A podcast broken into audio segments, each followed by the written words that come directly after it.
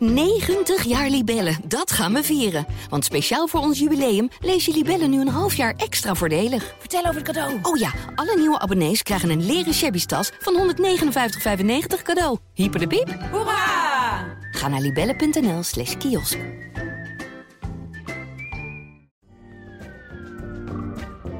Welkom bij Wijsneuzen de Verkiezingen, de wekelijkse podcast van Trouw voor alle kiezers die nog aarzelen, maar één ding zeker weten: je stemt niet op een racist. Deze vierde aflevering staat in het teken van ongelijkheid. Heeft iedereen gelijke kansen in Nederland? Op een goede toekomst, de beste opleiding, werk van betekenis tegen een fatsoenlijk loon, een dak boven het hoofd en een vangnet voor als het misgaat. En wat willen politieke partijen doen om verschillen te verkleinen? En wie moet dat betalen? Daarover praten we met Monique Kremer, socioloog, bijzonder hoogleraar actief burgerschap aan de Universiteit van Amsterdam en voorzitter van de Adviesraad Migratie. En met Wilma Kieskamp, politieke redacteur van Trouw. Mijn naam is Frits van Ekster en tegenover mij zit zoals altijd politicoloog Menno Hurekamp. Menno, de campagne was al begonnen, tenminste wij zijn er al een paar weken geleden mee begonnen. Maar deze week met een aantal debatten is het zeg maar meer serieus begonnen. Althans, zo doen we. Um, en daar was het noordelijke debat, wat in het zuiden, althans in Den Haag, plaatsvond. Maar het heette het noordelijke debat. En dat stond in het teken van, ja, waarvan wat eigenlijk? Het was best wel een goed inhoudelijk debat volgens mij. Het was een zeer inhoudelijk. Ja, mij bleef vooral een beetje bij dat uh, de, de lijsttrekkers van de regerende partijen er niet waren. Ja. Dat ze dat. Rutte, Kaag en dat Rutte, Ja, en dat Rutte dat overliet aan uh, zijn nummer drie. Ja, nummer twee was verhinderd nummer 2 had ook geen zin. En um, dat hij nee, zich, die had een corona-kwestie. En dat hij zich dus een beetje uh, obligaat bleef uitdrukken. Dus dat je daar eigenlijk niet heel veel wijzer van werd. Dat Kaag eigenlijk niet een heel duidelijk verhaal had waarom ze er niet was. Um, en, nee. en dat je dus denkt van ja, is ze misschien, heeft ze misschien vindt ze, ze wil zo graag minister-president zijn dat ze gewoon niet met het voetvolk wil debatteren. Want debatteren is toch een beetje smoezelige activiteit. Dat kan alleen maar afbreuk doen aan je reputatie ik weet niet, mij beleef een beetje dat soort dingen bij. Hm. Wilma, heb jij het ook gezien? Ik heb het gezien en um, waarom Sigrid Kaag er niet was, dat um, had onder andere ook te maken met dat er op dat moment een uh, crisisberaad gaande was over corona. Uh, ze, dus al had ze er van tevoren bij willen zijn, dan had ze last minute niet kunnen zijn. Maar wat je in het algemeen wel zag, was uh, iets wat in de hele campagne nu speelt. Um, draait eigenlijk allemaal om Rutte, ook als hij er niet bij is. Dus doordat hij er niet bij was, um, uh, kwam er ook um, voor sommige andere partijen de, de, misschien de vraag: wil ik er dan ook wel bij zijn? Want ik wil het liefst met Rutte debatteren. Ja. En de campagnekoorts is eigenlijk ook vervangen of wordt overschaduwd nu door de Elfstedenkoorts. Uh, waarbij eigenlijk alle politieke leiders als een soort rajonhoofden over elkaar heen buitelen om te zeggen dat er toch echt wel een Elfstedentocht zou moeten kunnen komen. Alsof dat een verkiezingsitem is en alsof zij daarover gaan.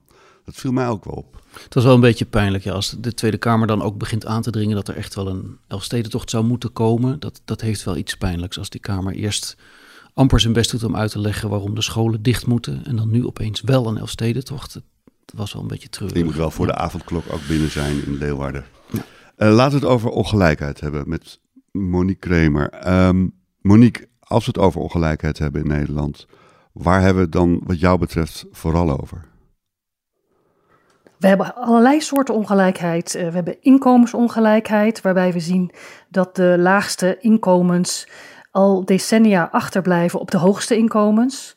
We hebben ongelijkheid wat betreft opleiding, waarbij je ziet dat mensen met een hoge opleiding ook qua arbeidsmarktkansen, uh, qua vermogen enorm wegrennen bij de rest.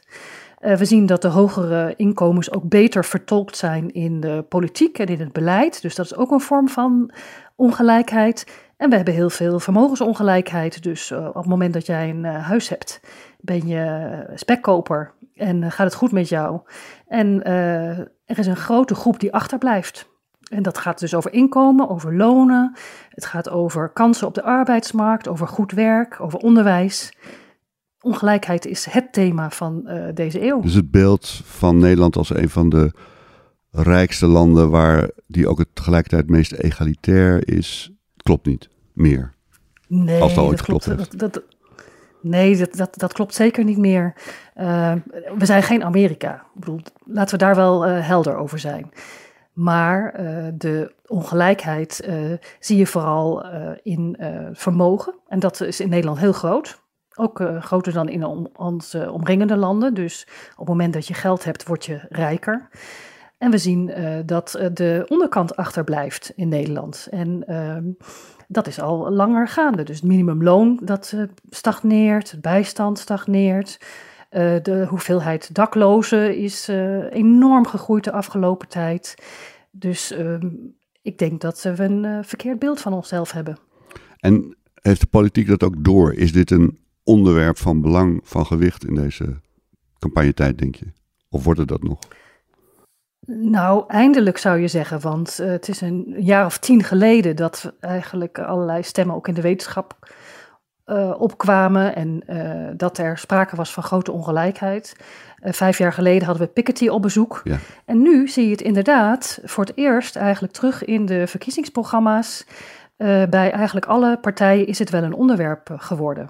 Allerlei vormen van ongelijkheid. En de coronacrisis heeft dat versneld, omdat we zien ook en aan de lijve ondervinden dat ongelijkheid een thema is. Maar het is een thema, maar uh, er staat altijd heel veel mooie dingen in verkiezingsprogramma's. Hè? Dus uh, boter bij de vis, dat moeten we nog even afwachten. Welk thema is denk je het meest, of welk ongelijkheids, welk voorstel om ongelijkheid te verkleinen is het meest, uh, springt het meest in het oog en is misschien het meest kansrijk? Nou ja, wat je ziet is dat de meeste partijen iets willen gaan doen aan de kinderopvang. Uh, dus dat zou een inkoppertje moeten zijn. Maar goed, dat gaat ook over de middengroepen. Hè? Dus als je beleidsvoorstellen hebt die ook nog goed zijn voor de, voor de middengroepen en voor de hogere groepen, dan heb je de meeste kans uh, van slagen. Dus kinderopvang, uh, dat zal uh, wel worden. Toeslagen heeft ook iedereen in zijn programma staan. Dus daar zal ook wel het een en ander gaan veranderen. Of daadwerkelijk het minimumloon omhoog gaat, wat dus zelfs bij uh, de rechtse partijen een, een, thema is geworden. Dat zou natuurlijk wel heel verbazingwekkend zijn. Dus wat je ziet is eigenlijk dat nu de van oorsprong rechtse partijen ook klassiek linkse thema's hebben omarmd. Dus als je de verkiezingsprogramma's ziet, dan verwacht je heel wat. Monique, Monique voor, voordat we over het min, op minimumloon moeten we dadelijk zeker even over terugkomen. Maar je hebt het over de middengroepen. Um, als je de, gemiddelde, als je de meeste onderzoeken doorbladert, dan begrijpt ongeveer heel Nederland zichzelf als het midden. Klopt dat of klopt dat niet? dus dat, dat, er zijn weinig Nederlanders die zichzelf niet lid deel uit vinden maken van de, van de middengroepen. Kun je daar, kun je daar, kun je daar, want je hebt daar wel het een en ander aan onderzoek ook naar gedaan. Kun je daar een klein beetje toelichting op geven? Wie moeten we middengroepen noemen als we het over ongelijkheid hebben? Wie zijn de relevante groepen? Of kun je daar een beroep op plakken? Of kun je daar een inkomen op plakken? Of kun je daar eens wat voorbeelden van geven? Maar dan hebben, dit zijn dan de middengroepen. Want, want ik bedoel, eh, het begon ooit een fameuze verkiezingscampagne, vier, zes jaar geleden, begon ooit met een opmerking van Eva Jinek, die tegen Diederik Samson zei van ja, middeninkomen, dat is toch zo rond de anderhalve ton. Um, dus daar, daar zijn niet altijd even heldere beelden van.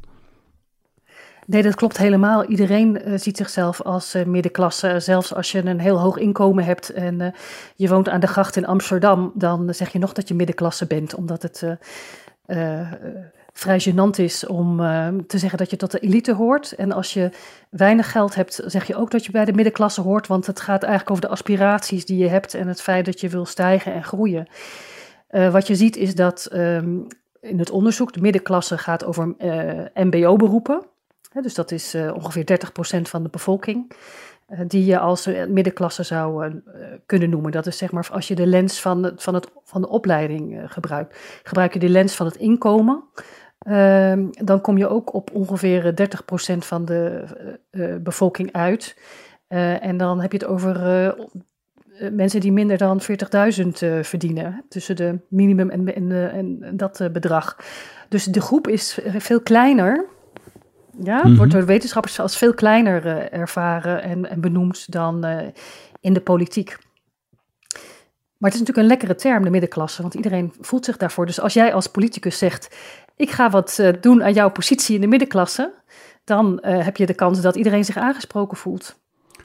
Maar Monique, je zegt dat eigenlijk de ongelijkheid in de eerste plaats groter is dan sommigen, in ieder geval ik ook veronderstelde. En in de tweede plaats zeg je eigenlijk, um, het valt op dat de meeste programma's dat nu eindelijk, de meeste partijen dat nu eindelijk wel in hun programma hebben gezet. Wat daarvan komt, moeten we, moeten we uiteraard. Nou, dat, minimum, dat minimumloon, hè, dat benoemde Monique Dat zou het meest concrete zijn. En dat, dat zit, lijkt er echt, dat lijkt, daar, moeten we denk ik ook wel even bij stilstaan, want dat lijkt er ook echt wel aan te komen. Ehm, tenminste, ik denk dat ook Wilma dat wel kan bevestigen. Ja, toen de partijprogramma's eh, of de verkiezingsprogramma's dit najaar eh, in conceptvorm kwamen, toen was eigenlijk dit het wat er uitsprong als punt waarvan je zag, eh, daar zijn ze het nu al zo over eens. Dat moet een inkoppertje zijn bij de aanstaande kabinetsformatie. Eh, zowel het CDA als VVD zijn nu ook voor eh, verhoging van het minimumloon met 10%. Maar inmiddels is het CDA daarvan teruggekomen onder leiding van eh, de nieuwe eh, lijsttrekker Hoekstra. Is, eh, hebben ze toch weer een wat andere positie ingenomen. Dat ze misschien wel, misschien niet. en daarmee zie je ook al het begin van dat het toch wel wat ingewikkelder onderhandelingen worden. En er zit ook een enorm verschil, wil ik daarbij even zeggen, tussen hoeveel moet het hoger. Want de inzet van de linkse partijen is dat het echt even flink hoger moet naar 14 euro. Dat is 30% erbij. Terwijl eh, het VVD, die op dit punt eigenlijk per uur, die, de VVD die nu linkser is dan het CDA eigenlijk, die willen 10% bij. En dan praat je over ehm, iets van 10 euro per uur. Maar dat zijn enorme verschillen eigenlijk, die paar euro's. Ja, ja. Nou, bovendien is een grote kwestie: wordt het bijstandsniveau gekoppeld aan het minimumloon, ja of nee? Ja. En daar gaat het over. Hè? Ga je het via de belastingen regelen? Eh, want eh, de meer rechtse partijen die zien het niet zitten dat de bijstand ook nog omhoog gaat. Eh, dus daar zal eh, de hele discussie over gaan. Wilma zei net in het voorbijgaan van dat het eh, partijprogramma van de, P- van de VVD eigenlijk eh, op sociaal-economisch gebied, zeg maar, ehm, de CDA links passeert. Is, zie jij dat ook, eh, Monique? Ja, ik zie dat de VVD eh, in ieder geval uitgesprokener is dan het CDA op thema's die sociaal-economisch eh, vroeger links eh, waren. Dus ehm, je ziet dat ze eh, inderdaad aan de minimumloon dingen willen doen. ehm, en ook dingen als kinderopvang beter willen regelen. Ehm, maar wat je niet ziet is wat er aan de bovenkant zou moeten gaan gebeuren. Dus betekent het tegengaan van ongelijkheid dat je ook bijvoorbeeld de hogere inkomensgroepen meer gaat belasten of winstbelasting gaat vragen en dat soort dingen. Dus in die zin zijn ze VVD nog wel eh, in die zin eh, bij hun eh, leest gebleven. Maar wat je ziet is dat ze sociaal-economisch heel erg links zijn. Dus we krijgen eigenlijk een nieuwe regering met een veel linkser signatuur en linksere blik dan dat je zou, tenminste als de verkiezingsprogramma's gevolgd worden, hè, want dat weten we niet. Maar, maar eh, de C- VVD blijft wel rechts op alle andere thema's. Hè. Net eh, als het gaat over straffen, als het gaat over Migratie. buitenlanders, over migratie. Dus eh, streng op die kant en sociaal-economisch eh, opgeschoven naar eh, links. Maar waarbij je zegt dat het kennelijk nog onbespreekbaar, of in ieder geval onbenoemd is, waar het geld uiteindelijk vandaan zou moeten komen. Of in andere woorden, zou je ook de hogere inkomensgroepen zwaarder willen belasten om de, als bijdrage aan het verkleinen van de ongelijkheid? Ik heb, Frits, als ik, als ik dat mag aanvullen, ik heb in het VVD-programma even geturfd hoe vaak het woord vermogen valt. Dat valt 16 keer. Vorig jaar had je geturfd hoe vaak het woord slecht, Ja. streng valt. Ja, ik ben gek, ik ben gek op turven van begrippen. Ehm, en het valt 16 keer. 14 keer, nee, 11 keer daarvan gaat het over dat mensen moeten bijdragen aan vermogen aan de samenleving. Dus het gaat om mensen die moeten bijdragen naar vermogen, naar de samenleving. En dan gaat het nog drie keer gaat het over ehm, crimineel vermogen. Dat moet worden afgepakt. En dan gaat het één keer over vermogen dat het niet extra belast gaat worden. En dat is de grootste partij van Nederland. Hè. Dus even waar het geld in ieder geval niet vandaan gaat komen, is uit de vermogensbelasting, die de linkse partijen wel allemaal aandragen. Vermogenswinstbelasting, vermogensaanwasbelasting, dat type dingen. Bij de linkse partijen zie je iedereen daar eh, eh, zich druk om maken. Maar ja, dat zijn natuurlijk maar 30 of misschien 40 zetels. En de grote clubs zeggen vermogen blijven vanaf. Dus het waar, taboe. ja, dus als er opnieuw geïnvesteerd gaat worden in de, in de, in de laagste inkomens, dan zal, de, dan zal de overheid daar meer geld voor gaan uitgeven. Maar er gaat absoluut niet geschoven worden aan, eh, in belastingtarieven. Althans, zo ziet het er nu niet naar uit. Terwijl als we het over vermogen hebben, dat eigenlijk een grotere factor is in ongelijkheid dan eh, inkomen. Dat moet je Monique vragen, die, die zit daar beter in. Ja, dat klopt. Dus als je kijkt naar de inkomensongelijkheid in Nederland, en dat betekent het inkomen als de verzorgingsstaat er overheen is geweest, hè, dat, we de belasting hebben betaald, dat mensen een uitkering hebben gekregen. Als je kijkt naar die inkomensongelijkheid, dan is die in Nederland betrekkelijk uh, beperkt, ook in vergelijking met de omringende landen. Maar de vermogensongelijkheid, en dan gaat het dus over je huis, spaargelden, aandelen, maar ook deels uh, gespaarde pensioenen. Erfenissen. Erfenis, dat soort zaken. Dan springt Nederland eruit als een zeer ongelijk land. En, dat, en, dat, en het groeit. Dat versterkt zich eigenlijk alleen maar. Ja, want als je, nu een, als je nu geld hebt en je koopt nu een huis of je hebt hem al gekocht eigenlijk, dat is nog beter. Uh, dan uh, kan je dat zeg maar nooit bijsparen.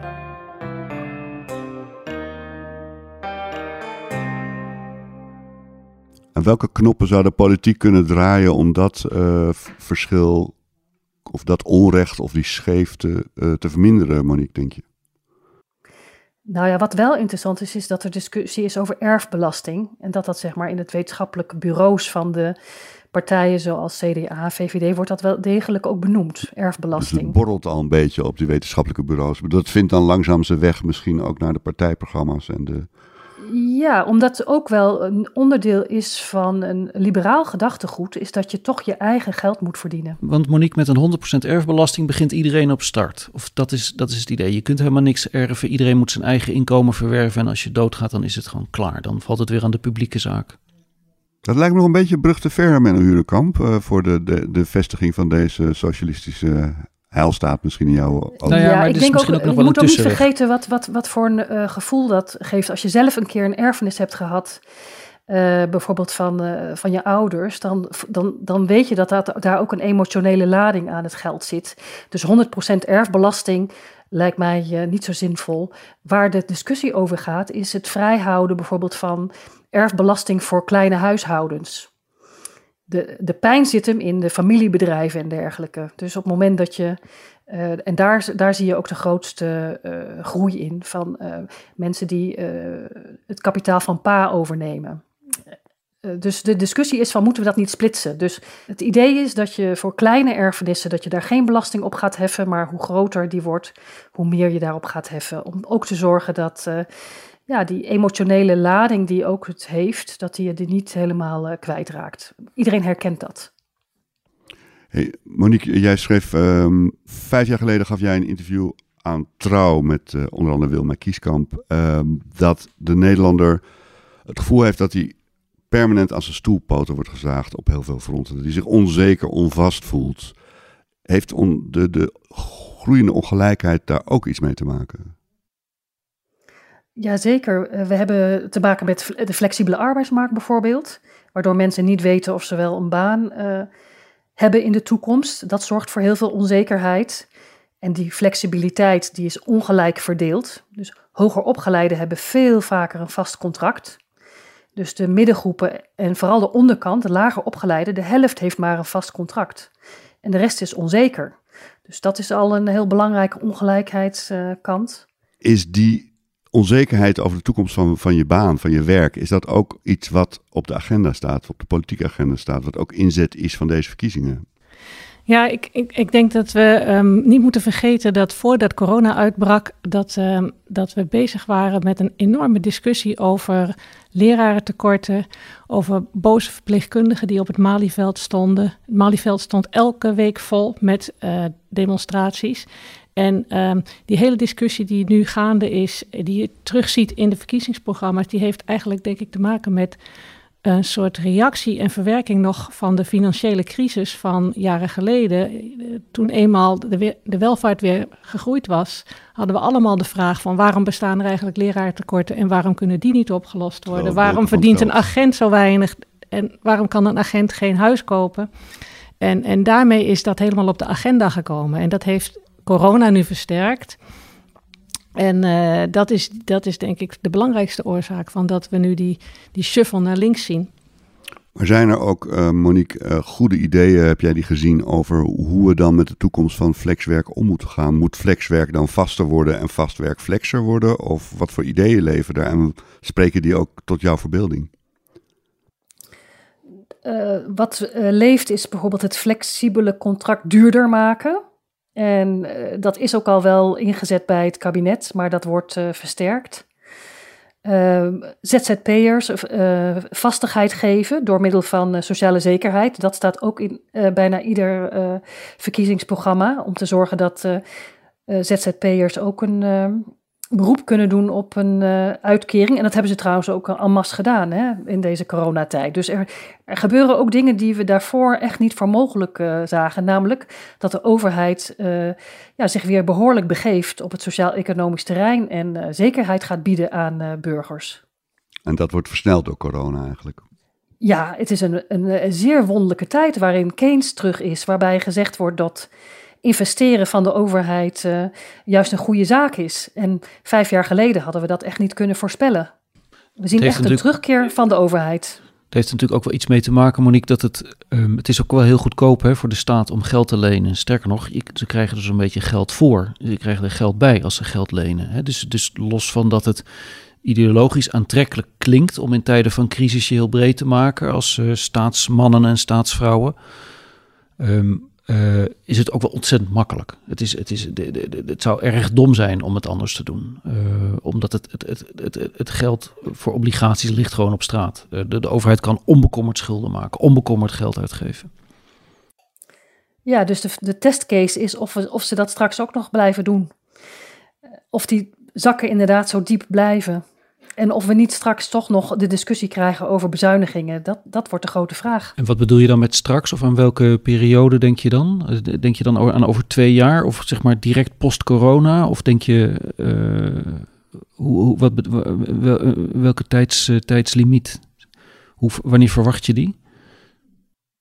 Uh, ik, ik verwacht dat we weer discussies gaan krijgen over bezuinigingen in een, op het moment dat de, uh, de coronacrisis, uh, als die opgelost wordt, uh, als dat al überhaupt gebeurt. Hè. Zoals nu wil je natuurlijk ook je, je burgers heel veel bieden.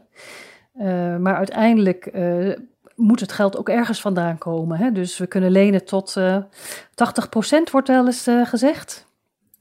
Ik weet niet of we daar 80% van het BNP, ja. ja, ja. ja. Nou, nog, nog lang niet, maar dat komt, op een dag komt dat natuurlijk in zicht. Ja. Ja, dus, uh, maar het is mooi als we de. Het is, ik vind het winst dat de overheid weer terug is. En dat hij weer ziet dat hij ook zekerheden moet gaan bieden aan uh, haar burgers. Uh, maar ehm, de vraag is wel voor, voor wie dan precies? Hè? Of ze ook de belangen van de, degene die de lager opgeleide en de mensen met zwakke sociaal-economische uh, achtergrond, of ze die ook voldoende zullen gaan uh, stutten en steunen. En ook dat ze echt zien als investering. En ook of ze misschien goede ideeën hebben, in die zin dat ze ook rekening houden met vrij ingrijpende veranderingen in de wereld, ook op het gebied van werk en inkomen en hoe de economie in elkaar zit. Ja, en, nou wat je ziet is dat uh, er wel een aantal goede ideeën zijn. noem, denk noem bijvoorbeeld aan de basisbanen. denk bijvoorbeeld aan de basisbaan. Uh, dat is een goed idee. Ik zie ook dat, en dat je, vind ik zelf Monique, voor je uh, doorgaat, interessanter. Je, waar denk je aan als een basisbaan? Waar gaat dat over? Denk, moeten we dan aan een, mel, aan een melkertbaan denken? Oh, de, de, want sommige luisteraars van deze podcast zullen dan denken dat is een soort melkertbaan. Maar volgens mij is dat niet wat je bedoelt. Het lijkt er wel een beetje op, uh, in de zin van dat het gaat om banen die uh, gecreëerd worden voor mensen die nu uh, een bijstandsuitkering hebben of een andersoortige uitkering. Maar het verschil is dat melkertbanen, daarin moesten mensen na een aantal jaar naar de volgende schaal. Dat moest een gewone baan worden. En wij denken uh, dat uh, er uh, in de arbeidsmarkt ook banen ge gemaakt moeten worden voor mensen die niet zullen stijgen, die niet regulier worden. Dus dit gaat over banen voor mensen waarvan je niet verwacht. En ook denkt dat het niet nodig is om te zeggen: je moet vooruit, je moet, je moet meer. Het is een bepaalde specifieke groep waar de basisbanen voor bedoeld zijn. En de vraag is natuurlijk: hoe groot wordt dat? Want in Groningen hebben we er 25. Hm? Maar er zijn toch minstens 10.000 nodig om uh, iets te doen aan de mensen die nu buitenspel uh, staan.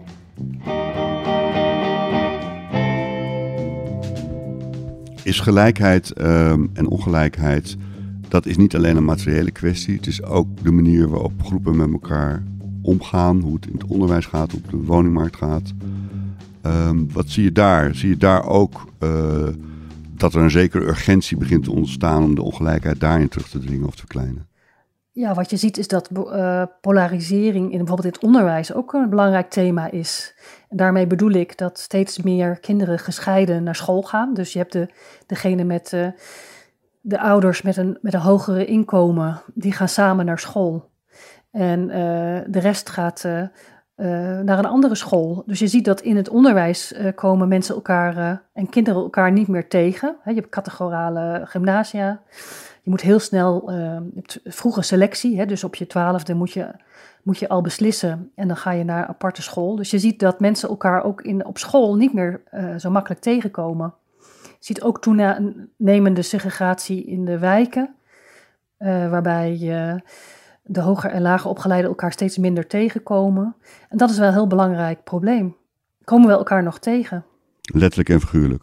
Letterlijk en figuurlijk, ja. En wat mij het meest zorgen baart, is dat uh, onderzoek laat zien dat de belangen van de lager opgeleiden eigenlijk nauwelijks een rol krijgen in het beleid.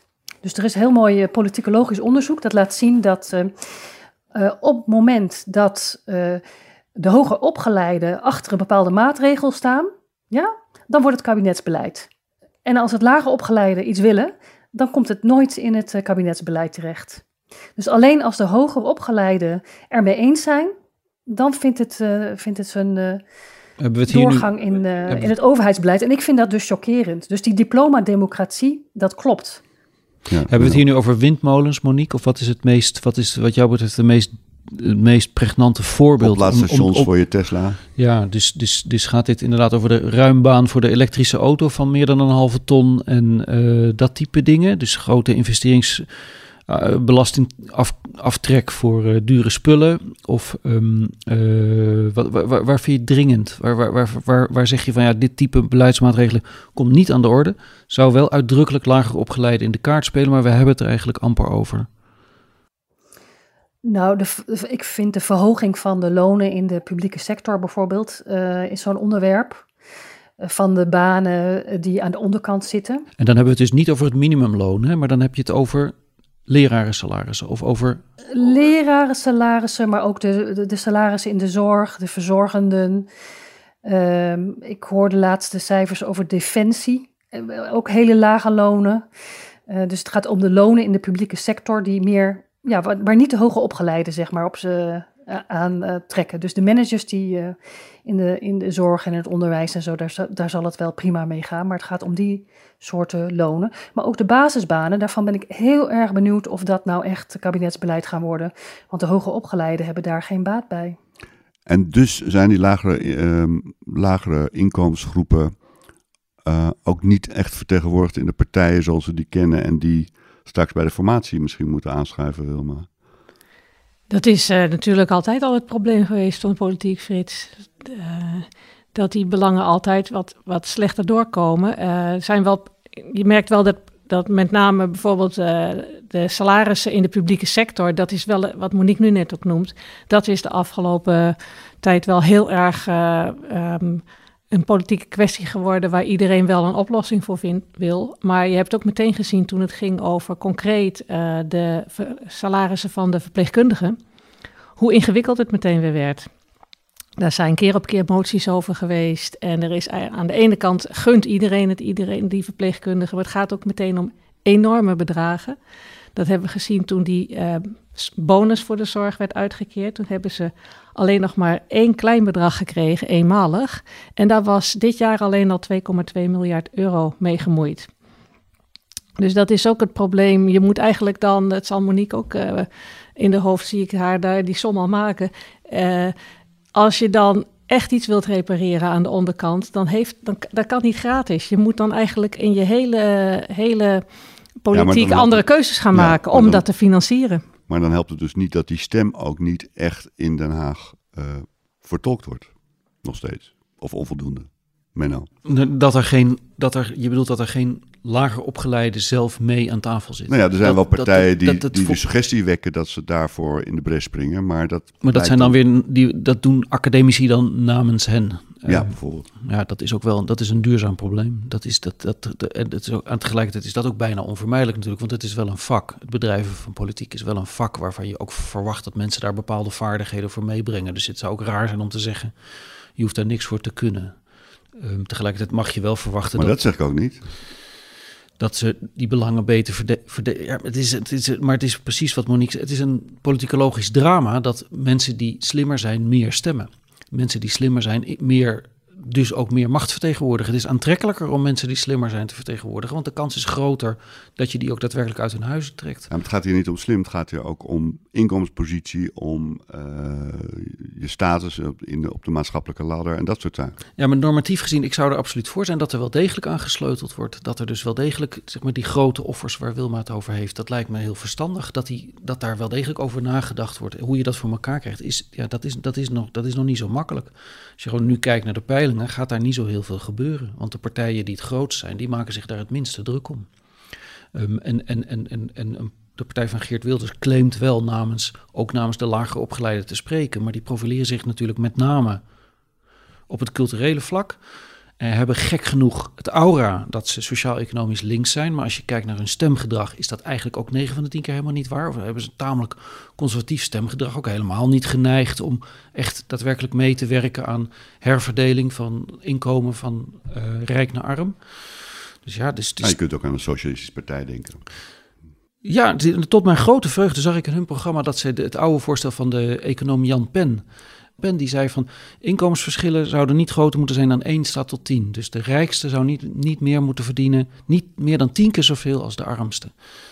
Ja. En dat vind, vind ik altijd nog van een mooie schoonheid. En ik zag dat de SP dat overgenomen heeft. Maar zover is de VVD nog niet in ieder geval. Eh, ook al is het goed om te constateren wat Monique doet, dat, dat de overheid er weer is. Dat betekent nog niet dat ze ook eh, boter bij de vis eh, gaat leveren. Zeg ik het zo goed? Ja, dat moeten we natuurlijk nog afwachten eh, hoe, dat gaat. En ik denk dat eh, eh, je kan zeggen dat er veel aandacht is voor de problemen aan de onderkant van de samenleving op dit moment.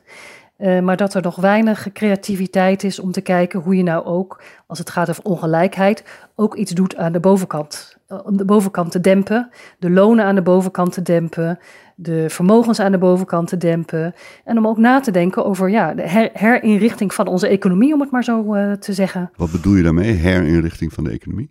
Nou, hoe je nou kan zorgen dat de vermogens niet verder groeien. Maar dat is meer herinrichting Eh. van het belastingstelsel, of niet? Dat kan via het belastingstelsel, maar dat kan ook door bijvoorbeeld eh, na te denken over hoe je de lonen inderdaad lager kan houden, waar Menno het net over had. Van eh, je mag niet meer dan eh, tien keer zoveel verdienen als de, degene aan de onderkant van het loongebouw bijvoorbeeld. Maar ook eh, wat ik zelf interessant vind, is om na te denken over nieuwe coöperaties. Dus andere werkbedrijven, hè, die, die meer van mensen zelf zijn. Medezeggenschap, eh, daar heb ik ook trouwens veel eh, goede ideeën over gezien. Hoe je het belang van werkenden eh, in de bedrijven zelf kan versterken.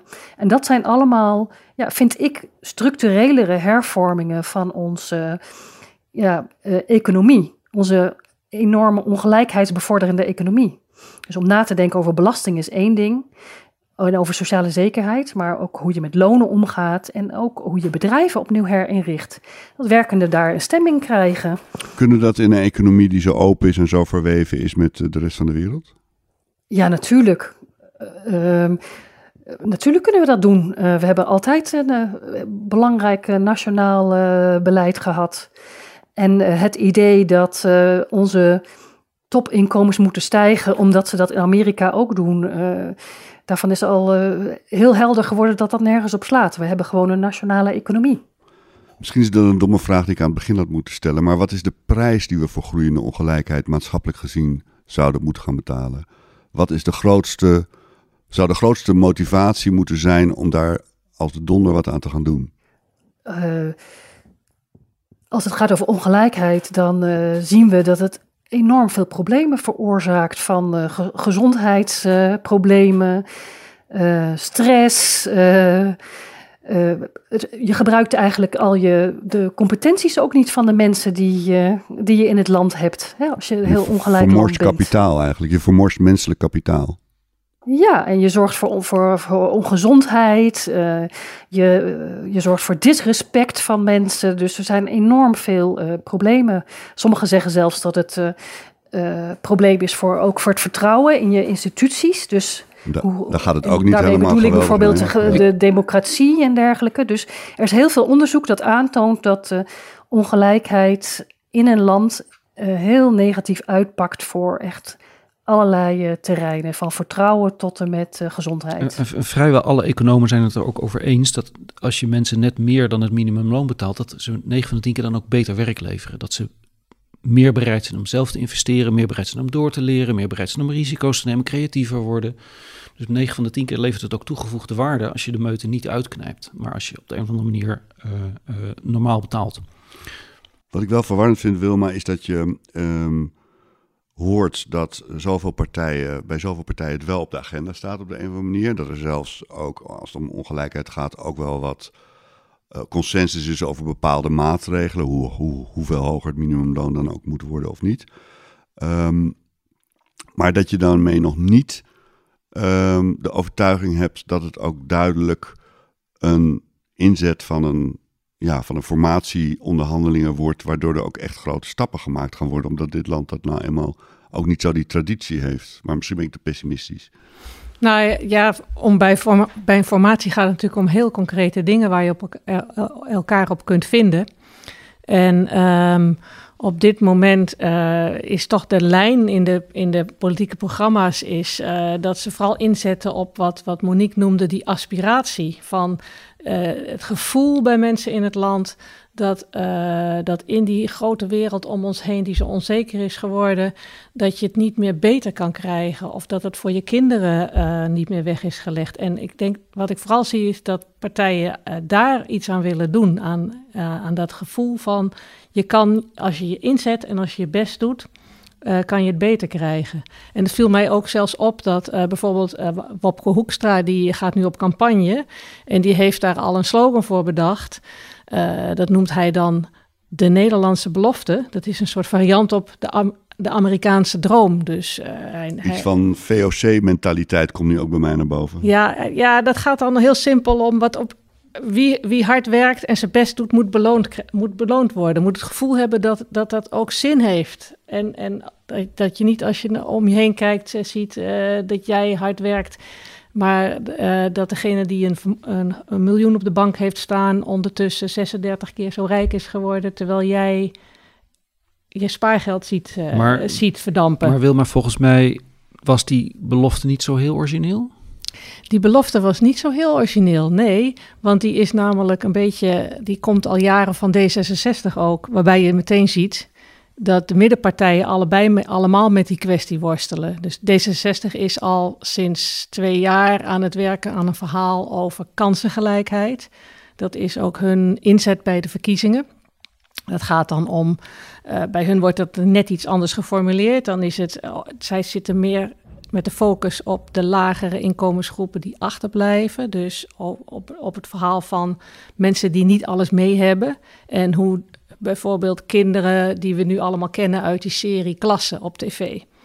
Uh, hè, hoe, je kunt, hoe je het onderwijs kunt veranderen, uh, zodat uh, ook alle kinderen, ongeacht hun thuissituatie, dezelfde start gaan krijgen. Dat zijn discussies waar de politiek nu wel mee bezig is. Alleen dan kom je meteen weer bij het lerarentekort en de lerarensalarissen. En dan zijn we weer terug bij waar we het net over hadden. Nou ja, ik denk dat dat gevoel van ontbrekende grip en het verbreken van beloften, dat dat toch wel heel erg een middenklasse verhaal is. Dus hoe zorgen we dat uh, ja, we allemaal kansen krijgen, kansen die we ook kunnen pakken? Hoe zorgen we dat als je ergens goed in bent, dat je dan dingen kan bereiken? Daar vindt iedereen zich op, op dat thema. Ja, om grip te krijgen op die sociaal-economische uh, verschillen. Uh, dat is wel een belangrijk thema. Maar nogmaals, sommige partijen die maken zich meer druk en zetten zich meer in ook op de onderkant. Uh, en er zijn ja. partijen die zeggen, ja, de bovenkant die moet ook wat inbinden. Maar dat we ja. allemaal graag willen dat ons schoolsysteem goed functioneert, dat kinderen kansen krijgen, uh, dat we goede zorg hebben, dat je niet te veel hoeft te betalen, dat we dat we niet te grote verschillen moeten hebben, daar is eigenlijk iedereen het wel over eens. Maar Ja. de onderkant en de bovenkant, dat zou mijn stelling zijn. Daarin zie je nog wel verschillen in de politiek. Ja, en het cliché is van deze tijd, nou, corona hangt over die hele verkiezingen natuurlijk heen. En het cliché is dat door corona we dit soort dingen scherper op ons netvlies hebben. En tegelijkertijd kun je afvragen van welke maatregelen nemen we in deze coronatijd om ook te voorkomen dat die tot een grotere ongelijkheid op zich alleen al leidt. En dan komt natuurlijk de belasting voor iedereen met een vaste, de, de, de solidariteitsbelasting, de coronabelasting voor iedereen met een vaste baan in beeld. Ja, ik, lijkt me wel een goed idee. Eh, we hebben dit gezien bij hele grote eh, veranderingen of transformaties, bijvoorbeeld in eh, Duitsland. Op het moment dat er veel eh, inspanningen verricht moesten worden om te zorgen dat Oost-Duitsland bij Duitsland, de hereniging van Duitsland, eh, ja, toen dat, eh, dat was Ja. iets heel groots. Ik, ik vind de coronacrisis ook iets heel groots. En we zeggen ook de hele tijd, we hebben nog nooit zoiets meegemaakt sinds de Tweede Wereldoorlog. Ja, daar past wat mij betreft ook inspanningen bij, die veel van iedereen Daar past ook een vergen groot gebaar bij eigenlijk. ik vind ook, wij zeggen de hele tijd dat wij voor solidariteit zijn. Dan moeten wij burgers ook eh, dat laten zien. Er zijn iets van 9 miljoen eh, mensen met een vaste baan in Nederland ongeveer, Monique. Iets in die orde. Als stel nou dat iedereen 1000 euro zou betalen. Alle gemiddeld genomen. Dat je, dat je iedereen naar rato maar gemiddeld 1000 euro laat bijdragen. Dan heb je 9 miljard. eh, aan solidar een solidariteitsheffing van 9 miljard. Nou rond het af op 10 miljard. Ehm, dat is ook weer niet ontzettend veel. Hè? Om dat dan weer te verdelen onder de flexwerkers. Ehm, eh, dan kunnen ze dus allemaal een soort bonus à la de zorg ook krijgen. Ehm, Maar ik denk dat als je daar nou een percentage van maakt, daar ben ik altijd veel meer voor. Waarbij de hogere inkomens daadwerkelijk, en liefst nog een progressief eh, stelsel zoals we dat ook in de belastingen hebben, dan gaat het wel wat opleveren, die coronabelasting. Dus het, het, het dient twee doelen. Het ene is, is dat wij, als wij zeggen dat we solidariteit hoog achten, dat we dat ook la- laten zien. Dat is één. Het tweede doel is dat eh, we daarmee ook echt dingen kunnen gaan betalen eh, die eh, we allemaal zo graag willen, zoals betere dienstverlening. En eerlijk gezegd, van de overheid, hè, eerlijk gezegd schieten we daar allemaal mee op als we ook de lonen in de publieke sector omhoog kunnen doen. Dus het is, een, het is echt een feest wordt het dan, dat betalen van die coronabelasting. Dank Monique Kramer, dank Wilma Kieskamp, dank luisteraars. Dit was de vierde aflevering van Wijsneuzen, de verkiezingen. U kunt deze week meer lezen over het thema ongelijkheid en de verkiezingen in Trouw.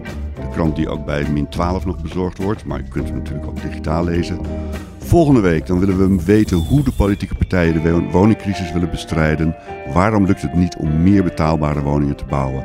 Ons gast is dan Marja Elsinga, hoogleraar aan de Technische Universiteit Delft. Reacties zijn meer dan welkom. U kunt ons mailen via wijsneuzen.trouw.nl.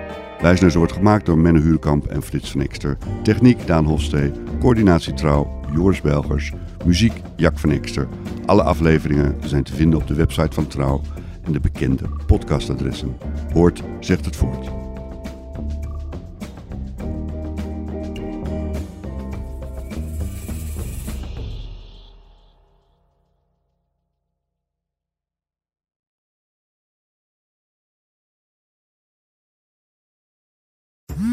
Worden dagelijks overladen met overbodige informatie. En het is moeilijk de zin van de onzin te scheiden. Daarom vertrouw ik op echte journalisten in plaats van meningen. Een krantenmens heeft het gemakkelijk. Word ook een krantenmens en lees je favoriete krant nu tot wel zes weken gratis. Ga snel naar krant.nl. Bezorging stopt automatisch en op deze actie zijn actievoorwaarden van toepassing.